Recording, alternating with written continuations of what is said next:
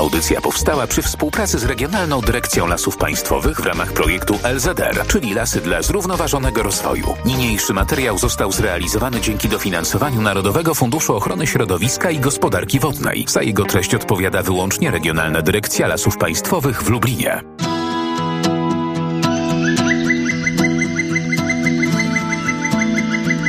Leśne wędrowanie. Taki oto wyjątkowy, dźwiękowy poemat Państwu dzisiaj serwujemy. Puszcza w kwietniowy poranek. To naprawdę prawdziwy taki poemat pełen efektów. Ten poemat prezentuje Państwu Jarosław Gołofit, nasz dzisiejszy realizator. Sprzed mikrofonu kłania się Magdalena Lipiec-Jeremek. Wierzę, że uda się usłyszeć w tym poemacie dźwięków, które dla Państwa przygotowaliśmy. To wielobarwne runo, pękające pąki krzewów i te urzekające ptasie śpiewy, których tak bardzo nam brakowało zimą, a teraz proszę bardzo, możemy się tym wszystkim nacieszyć, których tak bardzo nam brakowało wtedy, kiedy nie mogliśmy odwiedzać e, lasu, a teraz możemy także taką puszczę oczywiście odwiedzić zgodnie z zasadami bezpieczeństwa. O tym bezpieczeństwie dzisiaj będziemy mówić. Oczywiście jeden z podstawowych tematów i bohaterów dzisiejszego naszego spotkania to przede wszystkim susza i brak opadów deszczu. Jak zawsze niezawodnie pan Stanisław Iwańczuk przekazuje nam dane klimatyczne opadów deszczu, na przykład dla naszego miasta, dla Lublina. Lublin ma bardzo ciekawe historie z opadami deszczu, pisze pan Stanisław.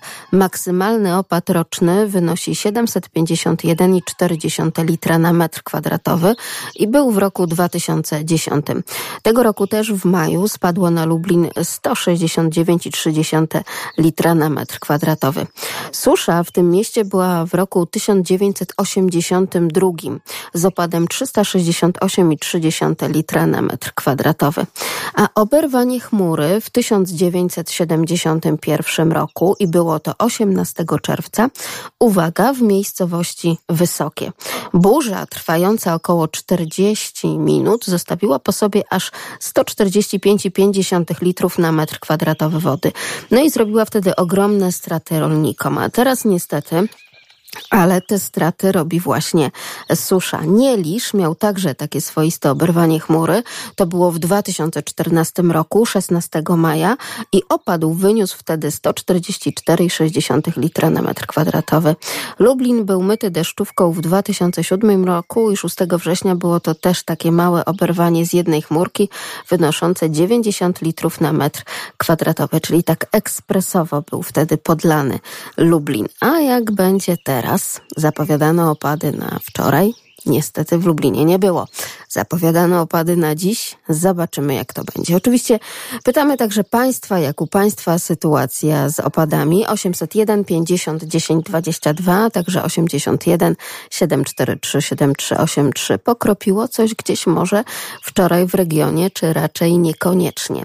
Będziemy mieli w programie także jednego wyjątkowego również bohatera. Nie tylko susza i nie tylko brak opadów deszczu, ale zwierzę, wcale nie małe. Jest zazwyczaj właśnie taka struktura, że jest krowa taka przewodniczka, e, która jest głową rodziny. No nie pokonują wielkich ilości, większej ilości pokonują byki, szukając stad, czy się do nich przyłączając. Ilości kilometrów e, na dobę, e, no one pokonują najwięcej. Samo stado porusza się tam w ramach swojego takiego rewiru, tam gdzie ma pożywienie i po prostu raczej w tych swoich tradycyjnych miejscach jest. Także jakby nawet z tych obserwacji wynika, że, że nie spodziewamy się choć e, w przyrodzie jest wszystko możliwe, więc, e, więc mogą się przemieszczać i pokazywać e, w różnych miejscach. Co to za rodziny z krową na czele? Mogą się przemieszczać i pokazywać w różnych miejscach. Podpowiemy Państwu, że chodzi tutaj chociażby o teren lasów janowskich. Pan nadleśniczy Nadleśnictwa Janów Lubelski tak oto nam tutaj przekazuje te informacje. O jaką to rodzinę może chodzić?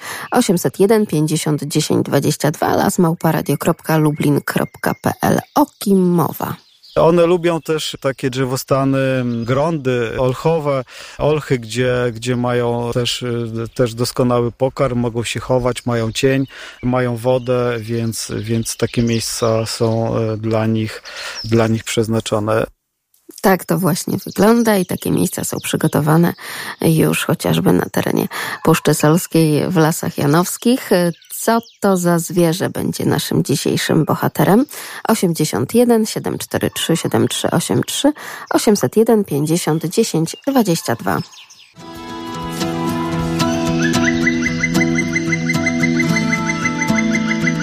Leśne wędrowanie. One potrzebują raczej drzew miękkich, czy osikę, czy olchę, czy, czy graby y, lubią. To są ich główne miejsca bytowania. U nas jakby jest większość drzewostanów sosnowych, y, bory, lasy janowskie, więc, ale jest, lasy janowskie są na tyle urozmaicone, jest to taka mozaika siedlisk, że pomimo tych wydm, na których rośnie sosna w zaniżeniach i, i przyciekach wodnych jest dużo drzewostanów fałszowych, jest też sporo grądów, więc tutaj jakby naturalną bazę żerową mają. Jest tak miejsce specjalnie wybrane, żeby, żeby im jak najbardziej odpowiadały. A to miejsce oczywiście wybierał także specjalnie pan nadleśniczy Nadleśnictwa Janów Lubelski, pan Waldemar Kuśmierczyk. Drodzy Państwo, podpytują Państwo lasmałparadio.lublin.pl, czy to jest takie zwierzę, które występuje w Lasach Janowskich. No i teraz jakbym nie odpowiedziała, to będzie i dobrze, i źle. I tak, i nie, i nie, i tak. Więc proszę próbować rozgryźć, o jakim zwierzęciu dzisiaj sobie rozmawiamy. 801 50 10 22 lasmałparadio.lublin.pl Na chwileczkę zostawmy te nasze rozważania o tym zwierzaku, mm, jeśli chodzi o Lasy Janowskie i o Puszczę Solską i przejdźmy do Nadleśnictwa Parczew. A tam w Nadleśnictwie Parczew, w gabinecie u pana nadleśniczego Nadleśnictwa Parczew Witolda Zakościelnego na biurku książka. Natomiast to, co Pani widzi tutaj na biurku, to są wydruki z tekstu monografii o Nadleśnictwie Parczew. I żeby do tego doprowadzić, no to potrzebne było tyle papieru, e, które tutaj Pani widzi, dlatego że Wymagało to korekt. Autorzy przygotowali tekst, ale my tutaj wewnątrz w nadleśnictwie, strona po stronie, sprawdzaliśmy, czy, czy nie są mm, pomylone litery, czy nie są pomylone nazwiska, miejscowości. Sprawdzaliśmy pewne dane, sprawdzaliśmy układ zdjęć, y, jeszcze, żeby nie było błędów merytorycznych. I to było bardzo pracochłonne, bo monografia ma ponad 300 stron, chyba 360. Tematem jest historia leśnictwa na tym terenie, na obszarze Lasów Parczewskich i okolic. Historia, która sięga no tu zamieszłych dziejów korzystania z tych lasów parczewskich, bo one przetrwały w takiej formie, jaka była jeszcze te 200, 300, ale nawet więcej lat. E, zachowały swoją pierwotny charakter w głównym mm, kompleksie. I w okresie e, początku XIX wieku rozpoczęła się już w okresie rozbiorów, po pierwszych rozbiorach. E, mnóstwo, jest mnóstwo dokumentów, które są w archiwach państwowych w Radzeniu i w Radomiu. Te dokumenty pozwoliły odtworzyć zarówno strukturę, e, zarówno własność, zarówno sposób gospodarowania tu w tamtym okresie.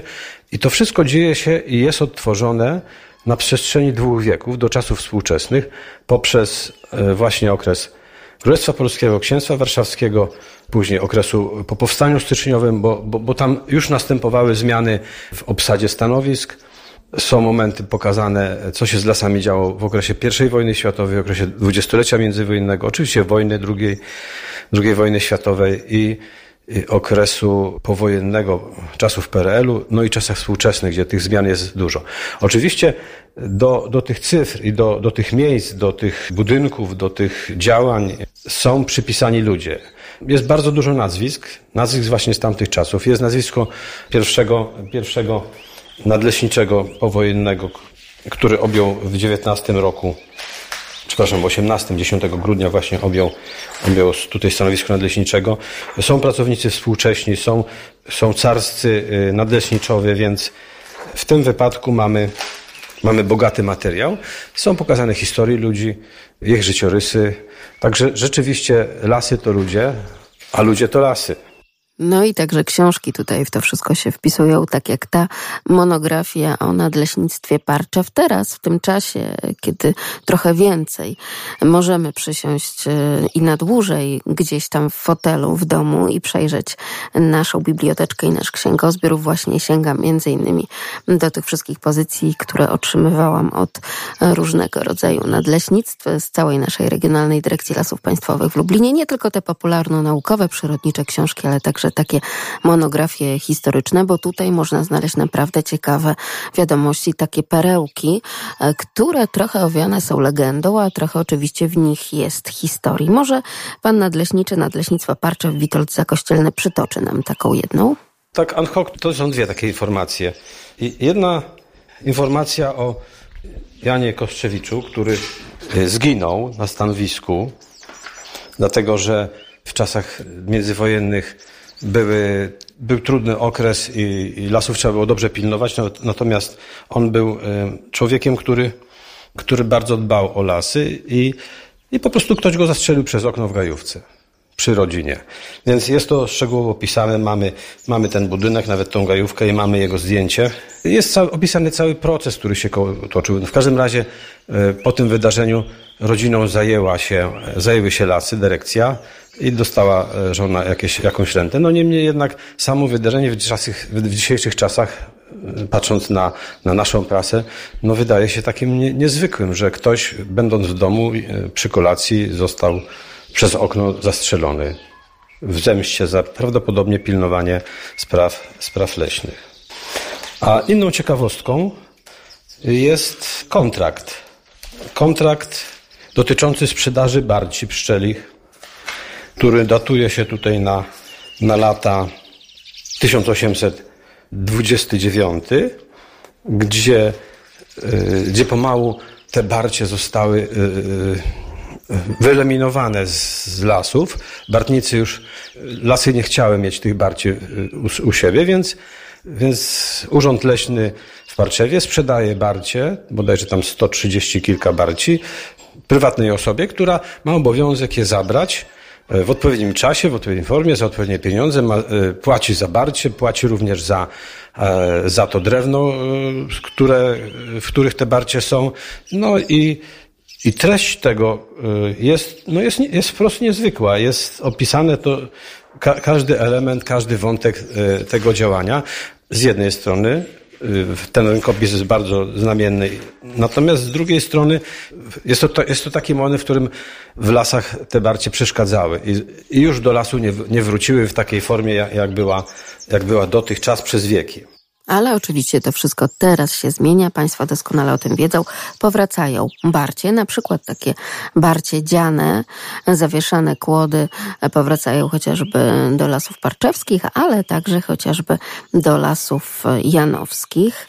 Nadleśnictwo Janów Lubelski to tutaj poszukujemy pewnego szczególnego, wyjątkowego zwierzaka. Cóż to może być za zwierz, który, uwaga, potrafi żerować nawet do 19 godzin dziennie. To tak jakby ciągle był na jakiejś kwarantannie i przykuty niemalże do lodówki. Ze względu na bardzo duży żołądek, zbudowany ten żołądek z czterech komór, te zwierzęta muszą ciągle uzupełniać pokarm, no żeby w każdej komorze jednak coś tam się znajdowało. Cała grupa tych zwierząt żeruje w ruchu więc może troszeczkę tych kalorii spalają. Zwierzęta kładą się tylko po to, by przerzuć wcześniej pobrany pokarm, choć jak to krowy, najczęściej widujemy je właśnie leżące i przeżuwające.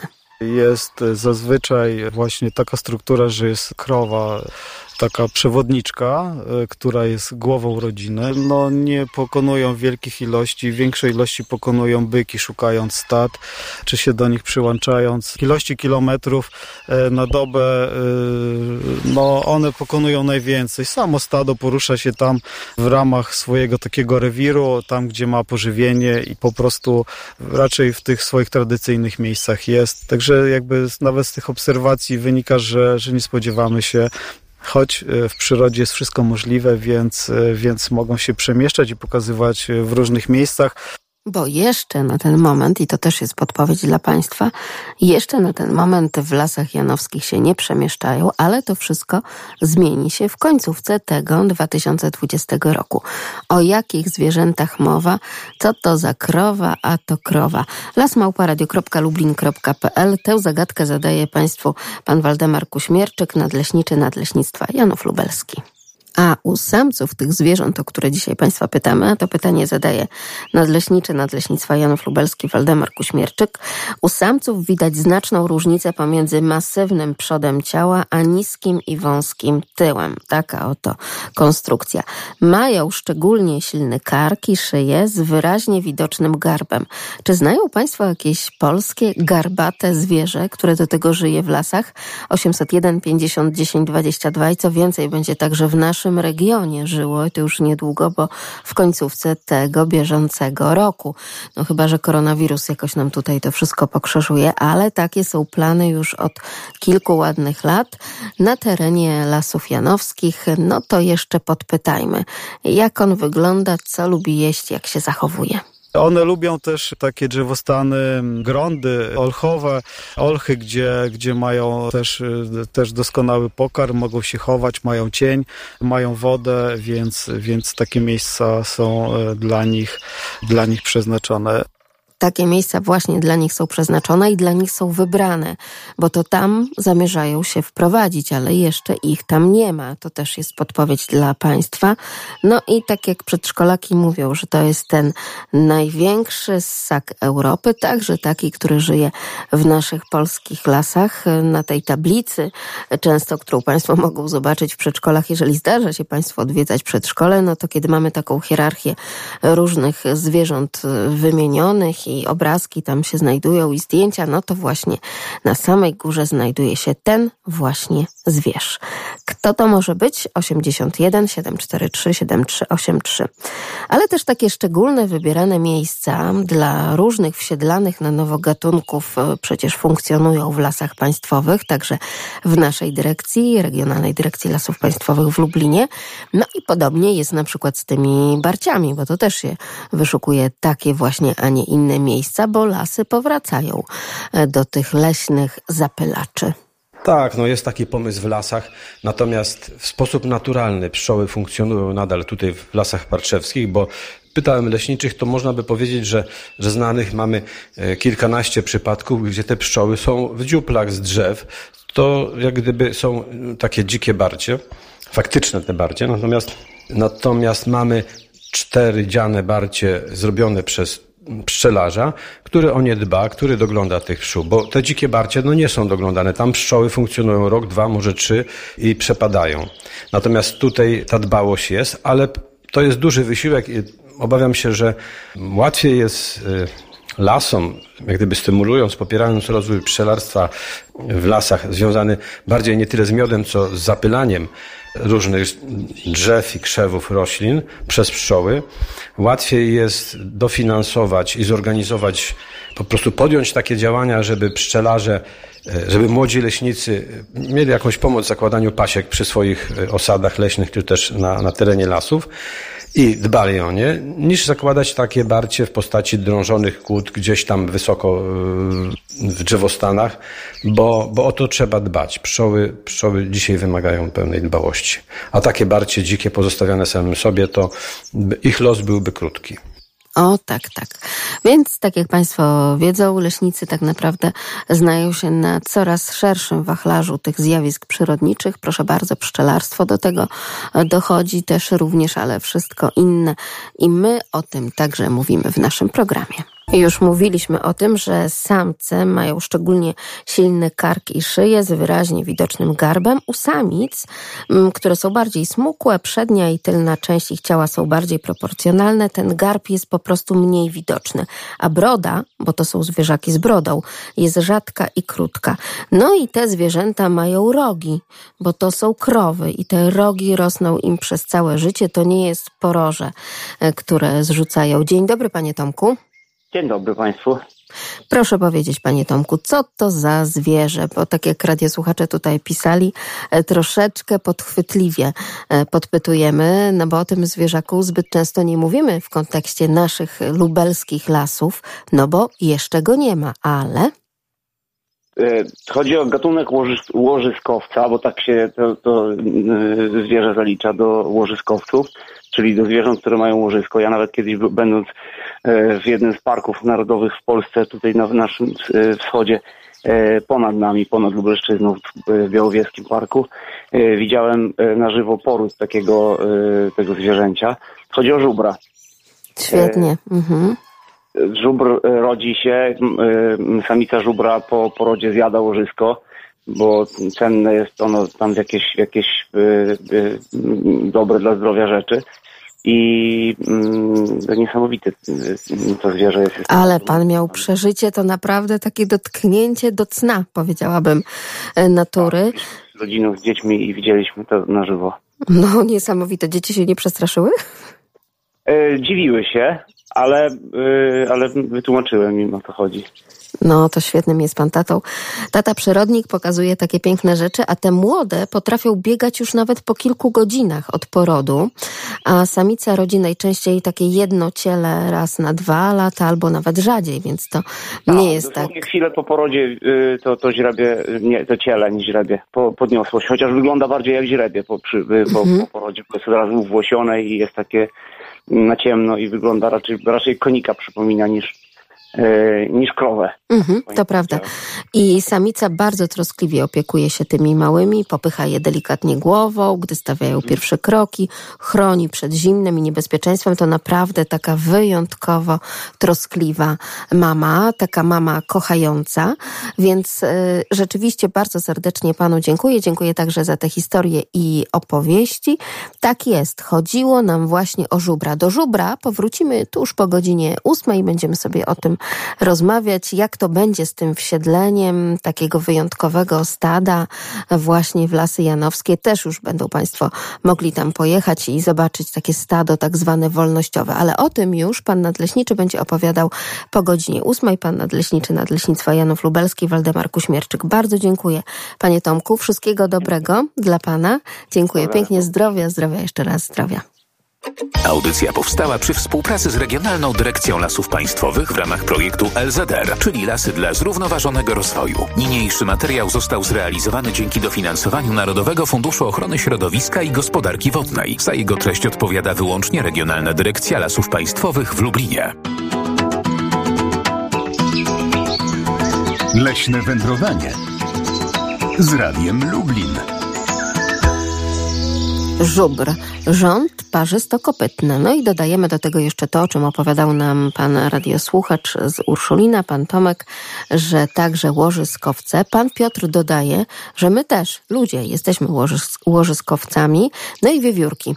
No i tak oto uprzejmie donosi nam pan Piotr, że wiewiórki się w tym momencie właśnie owiewiórczyły. Ciężko jest policzyć te wszystkie młode, ale chyba aż cztery takie malutkie ganiają się, pisze pan Piotr. Dziękujemy, to bardzo taka optymistyczna informacja w tym czasie, a nasz żupr, wracając do niego, zasiedla pierwotne, rozległe lasy liściaste, a także mieszane. Na wolności żyje w Puszczy Białowieskiej, Puszczy Boreckiej, Puszczy Knyszyńskiej, a także w Bieszczadach i na Pomorzu Zachodnim. Ale do tego dojdzie także Puszcza Solska, czyli Lasy Janowskie przyjazd y, żubrów będzie no, wielkim wydarzeniem, bardziej medialnym niż, niż pierwsze głuszce, które, które tutaj w wolierze adaptacyjnej u nas były. Jest całkowicie inny gatunek, więc ten jest skryty, ostrożny i bardzo płochliwy. Żubry też y, są płochliwe, ale ze względu na swoje rozmiary y, bardziej, bardziej są widoczne. Tutaj to, to jest troszeczkę inaczej. Łatwiej jest jednak żubra zobaczyć. No tak jak mówię, no wszystko przed nami. Specjalizujemy się w wielu rzeczach, więc następna, następna specjalizacja, czyli ochrona żubra dochodzi, yy, ale spokojnie damy radę. Hmm, mówi pan nadleśniczy Nadleśnictwa Janów Lubelski, pan Waldemar Kuśmierczyk, że leśnicy z janowskich lasów dadzą radę także ogarnąć również żubra w swoich własnych lasach. Jaki to projekt? W ramach projektu kompleksowej ochrony żubra w Polsce będzie u nas w Lasach Janowskich w Nadleśnictwie Janów Lubelski stado wolnościowe. Planowane wsiedlenie stada e, jest w pierwszym kwartale roku 2021, ale z ostatnich informacji, jakie do nas docierają, będzie to znacznie szybciej, czyli jeszcze przed e, E, świętami Bożego Narodzenia będzie u nas stado, które będzie liczyło od 8 do 10 sztuk. Stado wolnościowe jest e, to takie stado, które będzie docelowo żyło na wolności, będzie chodziło sobie wolno, nie będzie ono w zagrodzie pokazowej, czyli będzie można je zobaczyć tylko w naturze. Jeśli ktoś będzie miał takie szczęście, to spotka żubry na swojej drodze, wędrując po, po leśnych ostępach lasów janowskich. Żubry, e, które do nas przyjadą, będą na początku e, przez e, około okres takiego jednego miesiąca w zagrodzie adaptacyjnej, e, gdzie Będziemy je obserwować, będą badane, będą dokarmiane, tak żeby mogły przystosować się tutaj do otoczenia i potem będą wypuszczone. No i rzeczywiście to stado wolnościowe, tak jak tłumaczy pan nadleśniczy, będzie miało całkiem sporo tej wolności w lesie stado wolnościowe e, nie, nie, będzie miało żadnych ograniczeń. Będą chodzić tymi ścieżkami czy szlakami, e, które sobie wybiorą, więc e, nie będziemy mogli jakby sterować ich wędrówkami. Mogą się tutaj przemieszczać i korzystać z tego zbiornika jako z wodopoju na przykład. Jednakże doświadczenia innych nadleśnic, w których te żubry wolnościowe są, to te doświadczenia mówią, że one się trzymają raczej miejsc, w których są Dlatego, że w ramach projektu będą dwa magazynopaśniki, w których w okresie zimowym będzie wykładana karma, żeby oprócz tego, co w naturze będą mogły sobie spożywać, no, żeby im pomóc w najtrudniejszym takim okresie zimowym, tak jak dokarmiana jest zwierzyna, która w lesie bytuje. Leśnicy i myśliwi, którzy gospodarują na, na terenie obwodów łowieckich, generalnie tutaj w lesie, sami decydują w jakiej formie i w jakiej ilości dokarmiają. Obserwując zimy, gdzie nie ma śniegu, dostęp do pokarmu, który jest, jest troszeczkę większy, więc jak jakby dokarmianie odbywa się w mniejszej ilości. Nie jest tak e, z taką dużą intensywnością jak kiedyś, gdy teraz możemy pomarzyć o takiej zimie, gdzie było śniegu pół metra, metr i minus 20, minus 25 stopni mrozu, więc wtedy to dokarmianie wyglądało troszeczkę inaczej. My też tutaj reagujemy na zmieniające się warunki, więc e, to dokarmianie będzie dostosowane do potrzeb. Oczywiście e, w ramach samego projektu żubrowego dla nas ważniejsze jest jakby doprowadzenie łąk, ich rekultywacja, wzbogacenie bazy żerowej, żeby te żubry miały miejsca, w których będą się e, odżywiać, żeby to było naturalnie, żeby to było dobrej jakości. Dlatego też e, ponad rok przed wprowadzeniem stada już e, przystąpiliśmy do rekultywacji łąk, odkrzaczania polan, e, poletek. E, też e, wzorem i doświadczeniem jakby leśników z Puszczy Boreckiej i Augustowskiej będziemy też w przyszłym roku tworzyć na liniach oddziałowych takie pasy zaporowe, miejsca, gdzie będą siane różne rośliny, które jakby spowodują to, że żubry, zwiększy się baza żerowa żubrów. Też jest to w celu ograniczenia szkód, w celu ograniczenia presji na las i na pola, które wokół lasu się znajdują. Bo takie oczywiście obawy także sąsiadów Lasów Janowskich, wszystkich tych, którzy mieszkają w okolicy Puszczy Solskiej są.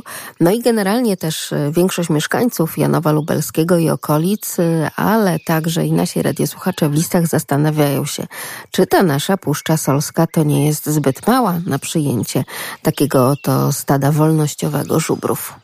Lasy Janowskie są wielkim kompleksem, który liczy sam kompleks leśny nadleśnictwa prawie 32 tysiące hektarów.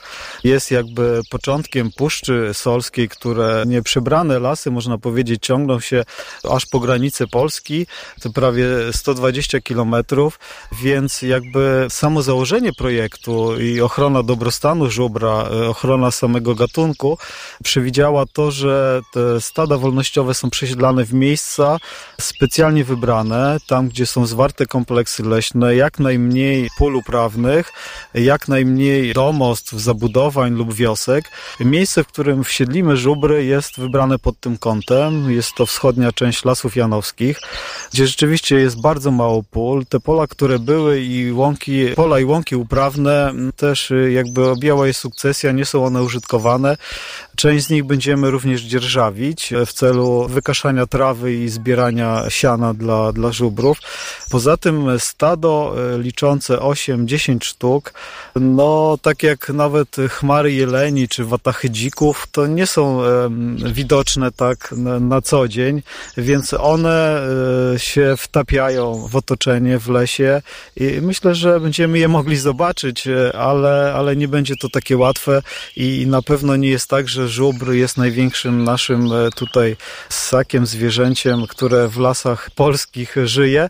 I też jakby opierając się na doświadczeniach, e, które tutaj koledzy nam przekazują na konferencjach i warsztatach, które się odbywają w Ośrodku Edukacji Ekologicznej Lasy Janowskie, nawet są takie przekazy, że nie widzą żubrów kilka miesięcy, pół roku, gdzie one potrafią się schować, czy, czy, czy tak funkcjonują, że po prostu nie stanowi to, to problemu. Staramy się też edukować ludność miejscową, sami staramy się troszeczkę odczarować tego żubra, tak żeby, żeby tutaj w, naszej, w naszych lasach e, i w naszej e, świadomości e, zafunkcjonował i, i żeby nie był to obraz taki negatywny. Bo rzeczywiście takie negatywne legendy krążą. No ale zobaczymy, jak to będzie. Już nie mogę się doczekać tej konferencji prasowej. Tak, to właśnie dzisiaj, proszę bardzo, wsiedlamy żubry. Oby nam się to wszystko udało w Lasach Janowskich. Uspokajał nas pan nadleśniczy Nadleśnictwa Janów Lubelski, Waldemar Kuśmierczyk. A żubr ma naprawdę dobry wzrok i węch. Wykorzystuje te zmysły podczas poszukiwania pokarmu i czuwania nad bezpieczeństwem swoich młodych. Porusza się o dziwo, pomimo swoich gabarytów, szybko i lekko.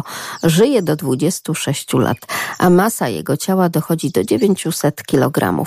Żubry prowadzą dzienny tryb życia, większość czasu spędzają w zacisznych ostojach, a ich pożywieniem, tak jak już mówiliśmy, są trawy, pędy, kora, gałęzie i liście. Lubią też żołędzie. Chyba nie będą się z dzikami kłócić.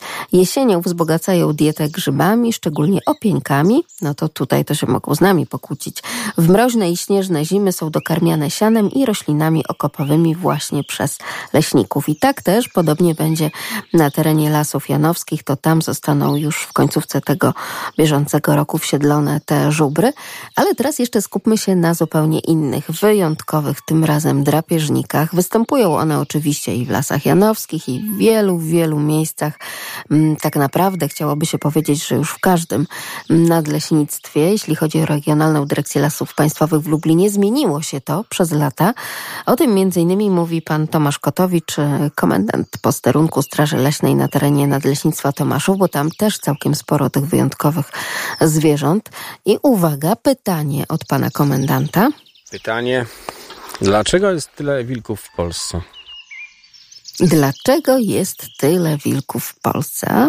No powiedzmy, że nawet po prostu coraz więcej ich jest, także w naszych lubelskich lasach. To nie było jeszcze wcale takie oczywiste, powiedzmy 10 czy 15 lat temu. 801 50 10 22, także 81 743 7383 lasmałparadio.lublin.pl Pytanie, dlaczego jest tyle wilków w Polsce? Pytanie, dlaczego jest tyle wilków w Polsce? Bo wilk zasiedla rozległe lasy nizinne i górskie. Występuje przede wszystkim w Bieszczadach, a także w północno-wschodniej części naszego kraju. Jednak tak naprawdę coraz częściej te osobniki spotyka się na całym obszarze Polski. I to ich jest coraz więcej. Teraz te tropy, tropy wilków są mm, raczej takie zamazane, trudno jest je zobaczyć, chociażby z tego względu, że jest tak strasznie sucho w lasach, ale jeszcze wtedy, kiedy było troszkę bardziej wilgotnie, nie mówię, że był śnieg, no bo tego śniegu nie było, no to te wilcze tropy można było zobaczyć. Dzień dobry, panie Stanisławie. Dzień dobry. To proszę powiedzieć, dlaczego jest ich coraz więcej? Także na przykład na terenie Nadleśnictwa Tomaszów. I innych. Dlatego, mhm. aby się odbywała naturalna selekcja zwierząt chorych, jakichś uszkodzonych, że tak powiem, I, I dlatego, bo przecież gdyby myśliwi chcieli, zmniejszyliby tą populację. No nie bardzo, bo jest pod ochroną. Więc y, akurat jeśli tutaj o to chodzi, to y, jak najbardziej, ale tutaj ma pan rację o tyle, że mm, tak naprawdę wilk y, jest takim naturalnym regulatorem tych wszystkich innych zwierząt w lesie i to jest jak najbardziej ważna kwestia. Poza tym, kiedy spotykamy takie watachy i to już nie tylko właśnie na terenie Bieszczad, ale również w naszych lasach, no to możemy się zorientować, że całkiem nieźle sobie radzą. Radzą sobie też nieźle w tych siedliskach, które też wydawałoby się podobnie jak u żubra mogłyby być dla nich zbyt małe, ale jednak dają radę. I jeśli chodzi o wilki i tak skonstruowane przez pana komendanta Tomka Kotowicza z terenu Nadleśnictwa Tomaszów pytanie, to tutaj każda odpowiedź będzie dobra, bo... Odpowiedź jest bardzo prosta. Lat temu 20, około 30, największa ilość, e, liczebność wilków była w górach, Bieszczady, Tatry. A dlaczego? A dlatego, że były wypasane w tym terenie na halach, na łąkach i pastwiskach owce, barany. I tam była potężna baza pokarmowa dla wilków. Wilki miały co jeść. Jak się skończyła hodowla, hodowla owiec i baranów, automatycznie skończyła się baza pokarmowa darmowego jedzenia, prawda? Wilki poszły do lasu. One i tak z lasu przechodziły, ale wróciły do lasu na żer. Jelenie, sarny. Tam zabrakło, przemieszczały się, przemieszczały i marszruta i na północ, i na zachód, i na wschód. I teraz tak, na roztoczu widzimy wilki. Dlaczego? Wilk ma potężną bazę pokarmową w postaci zajęcy, saren, jeleni, cielaków i tak dalej, i tak wszelkiego rodzaju zwierzęta w lesie, bo u nas jest baza pokarmowa. Dlaczego na przykład wilki z Białorusi przechodzą do nas do Puszczy Białowieskiej albo, albo w rejon, rejon Parku Narodowego, chodzi o Białowieżę, albo w ogóle w teren Białowieży, przyjmując jako taką przyrodniczą, prawda, Ano dlatego, że na Białorusi już trochę cienko z, z jedzonkiem przychodzi nos. Wytłumaczenie jest bardzo proste. Jest baza pokarmowa, są wilki. I to jest to. I to jest to, bo tej zwierzyny generalnie jest po prostu w naszych lasach coraz więcej. A pożywienie wilków, Państwo wiedzą, jest bardzo urozmaicone. Jelenie, sarny, młode dziki, zające, gryzonie, ptasie lęgi też, żaby, jaszczurki, duże owady, ślimaki, jagody, owoce, no i padlina. Nic dziwnego, bo tak naprawdę dorosły osobnik potrafi zjeść naraz nawet 10 kg mięsa. Wcale nie wygląda, proszę bardzo. A taki żubr wygląda całkiem nieźle, a zajada raczej wszystko to, co mm, z roślinami jest e, związane, więc na jego te, talerzu to taczy raczej takie wegetariańsko-roślinożerne dania. Powracamy jeszcze do tej kwestii wsiedlania żubrów. To stado wolnościowe pojawi się już w tym roku na terenie Lasów Janowskich. No i tutaj pan nadleśniczy Waldemar Kuśmierczyk z Nadleśnictwa Janów Lubelski podkreśla, że tak naprawdę całość tego projektu i wsiedlenia tych żubrów w Lasy Janowskie odbywa się pod ścisłym nadzorem także naukowców. Tutaj nie ma przypadku. Projekt, który jest prowadzony już od wielu lat, który będzie kontynuowany, ma e, podłoże, cały czas jest pod opieką naukowców e, ze SGGW i nie tylko, z różnych, z różnych uczelni i stowarzyszeń, które, które razem wspólnie współpracują. Oparte jest to na wielu badaniach, obserwacjach. W miarę upływu czasu i zbierania tych doświadczeń e, są prowadzone różne czynności, które jakby powodują to, że, że zmniejszamy tą presję na, na otoczenie, na las, na, na pola. Oczywiście no, to jest duże zwierzę, które, które musi codziennie zjeść określoną liczbę pokarmu, więc no, różnie mówią nawet i do kilkudziesięciu kilogramów i to są przeżuwacze, więc takie stado no, na pewno robi wrażenie, gdy przejdzie przez pole. To jednak e, no to może nie tyle jest stratowanie, ale takie udeptywanie, ubijanie zboża i różne inne rzeczy na pewno no, będzie nastręczało jakieś tam problemy, ale generalnie nie jest to aż tak straszne, e, jak, jak głoszą legendy. No to żubrze, zróbże, dobrze, a zróbże. No dobrze, co takiego na śniadanie na przykład na tym talerzu u żubra się znajduje? trawę, liście, rośliny zielne, wszystko, no, no wszystko to, co jest smaczne i miękkie, też spałuje, e, pozyskując korę, wykładane są e, takie do zgryzania drzewa specjalnie dla nich, żeby, żeby jakby uniknąć uszkodzeń drzew stojących. Są wykładane też specjalne gra, granulaty, które jakby minimalizują w części uszkadzanie, uszkadzanie drzewostanu. Stado wolnościowe, ale kontrolowane w sensie takim nadzoru, też jakby stado krowa, która jest przewodnikiem e, stada, będzie miała nadajnik, badane są szlaki wędrówek, zapisywane, analizowane, więc tutaj jakby cały czas stado będzie pod kontrolą. No i wiadomo, że nasz żubr jest symbolem ochrony przyrody w Polsce, bo ten gatunek niemal doszczętnie wytępiony udało się ocalić dzięki kilkunastu osobnikom przebywającym w ogrodach zoologicznych. Żubr wydaje głos. Tego głosu jeszcze nie mamy, bo czekamy, kiedy będziemy mogli podpatrywać żubry i to stado wolnościowe w Lasach Janowskich. Jak już będziemy go mieli, to oczywiście będziemy Państwu niezmiennie prezentować w audycji Leśne Wędrowanie. Jak nazywa się ten głos, bo takim oto głosem samice nawołują cielęta, a byki podczas godów się odzywają. Pomimo, że jest to tak potężne zwierzę, to ten głos wcale nie jest jakiś taki donośny, tak jak na przykład wyjątkowy spektakl dźwiękowy, czyli rykowisko jeleni. Głos ten wydawany jest niższy, bardziej chrapliwy, no trochę tak jak znamy ze słynnej reklamy, takie delikatne mruczenie, ale jak nazywa się e, taki głos wydawany przez żubra, jaką nazwę nosi w języku przyrodniczym, w języku łowieckim 801 50 10 22. Żubry żyją w stadach złożonych z samic, ich potomstwa, a także młodzieży. Natomiast dorosłe byki tworzą małe grupy samców lub wędrują samotnie. To wszystko będziemy mogli obserwować oczywiście w lasach janowskich, ale jeszcze troszeczkę musimy na to poczekać. Jeśli chodzi o lasy janowskie, to, to żubry tutaj nigdy nie bytowały. Jest to zupełnie coś nowego.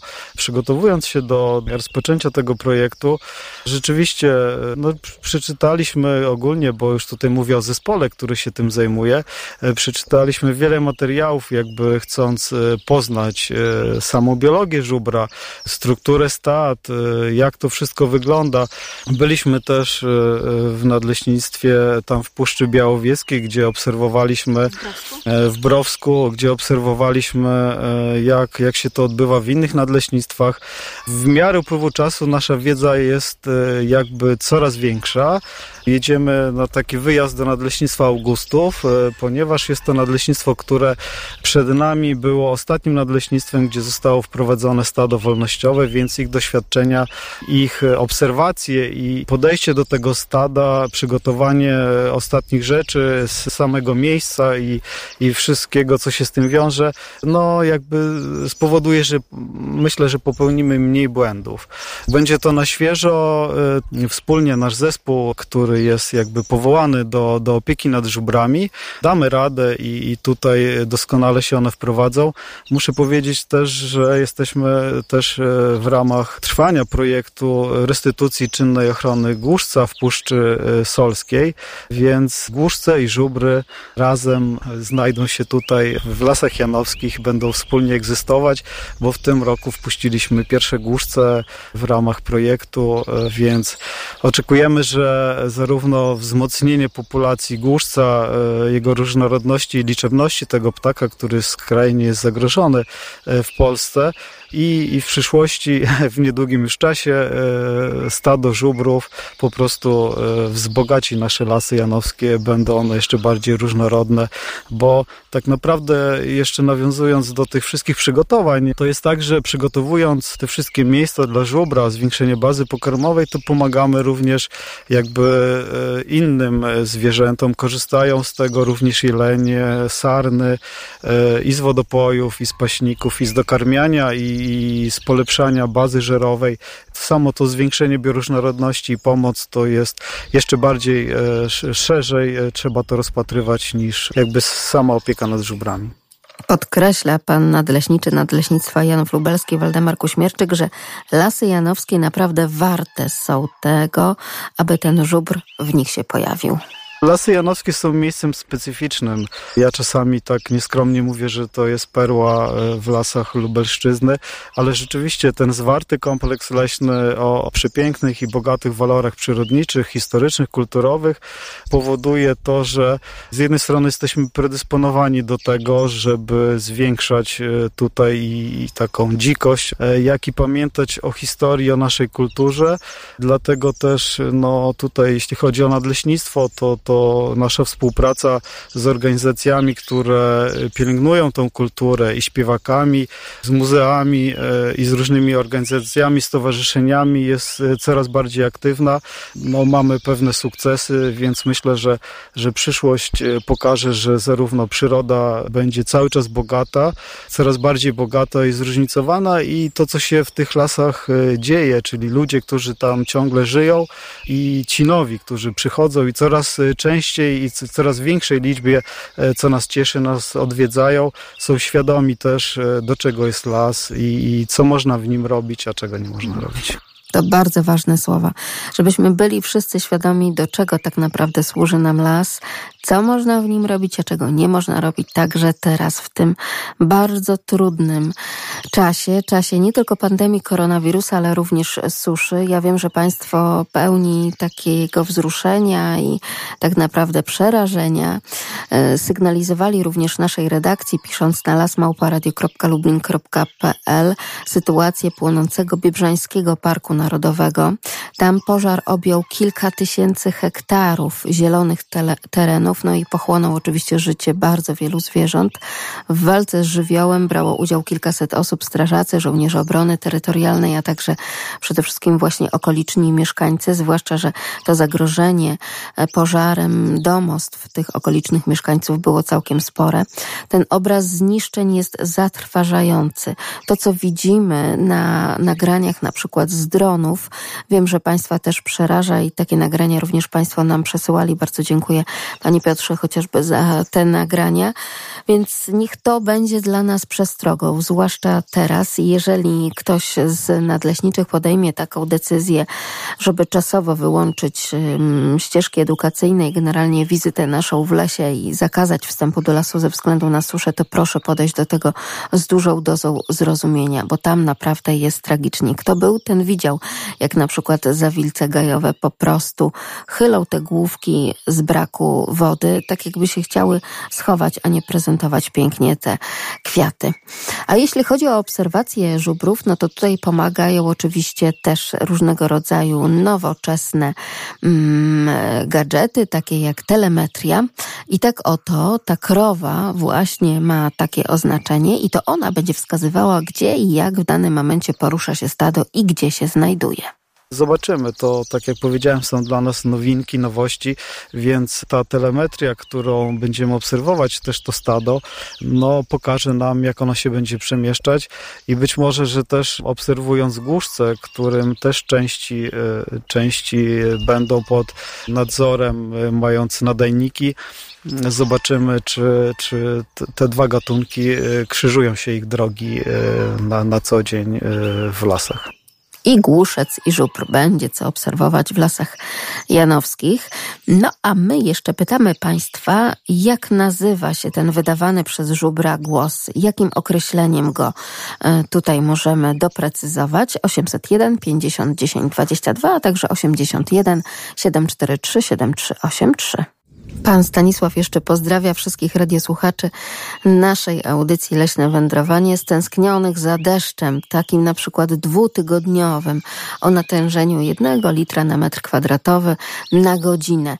No to wtedy mamy 24 litry na dobę. Oby te prognozy i te życzenia pana Stanisława się sprawdziły. I jeszcze a propos tego, o czym rozmawialiśmy w kontekście mm, płonących lasów, widziałem pani Magdo, jak się suchy torf, pisze pan Piotr. To jest nie do ugaszenia. Na wierzchu tak naprawdę nic nie widać, a pod spodem rozprzestrzenia się żar.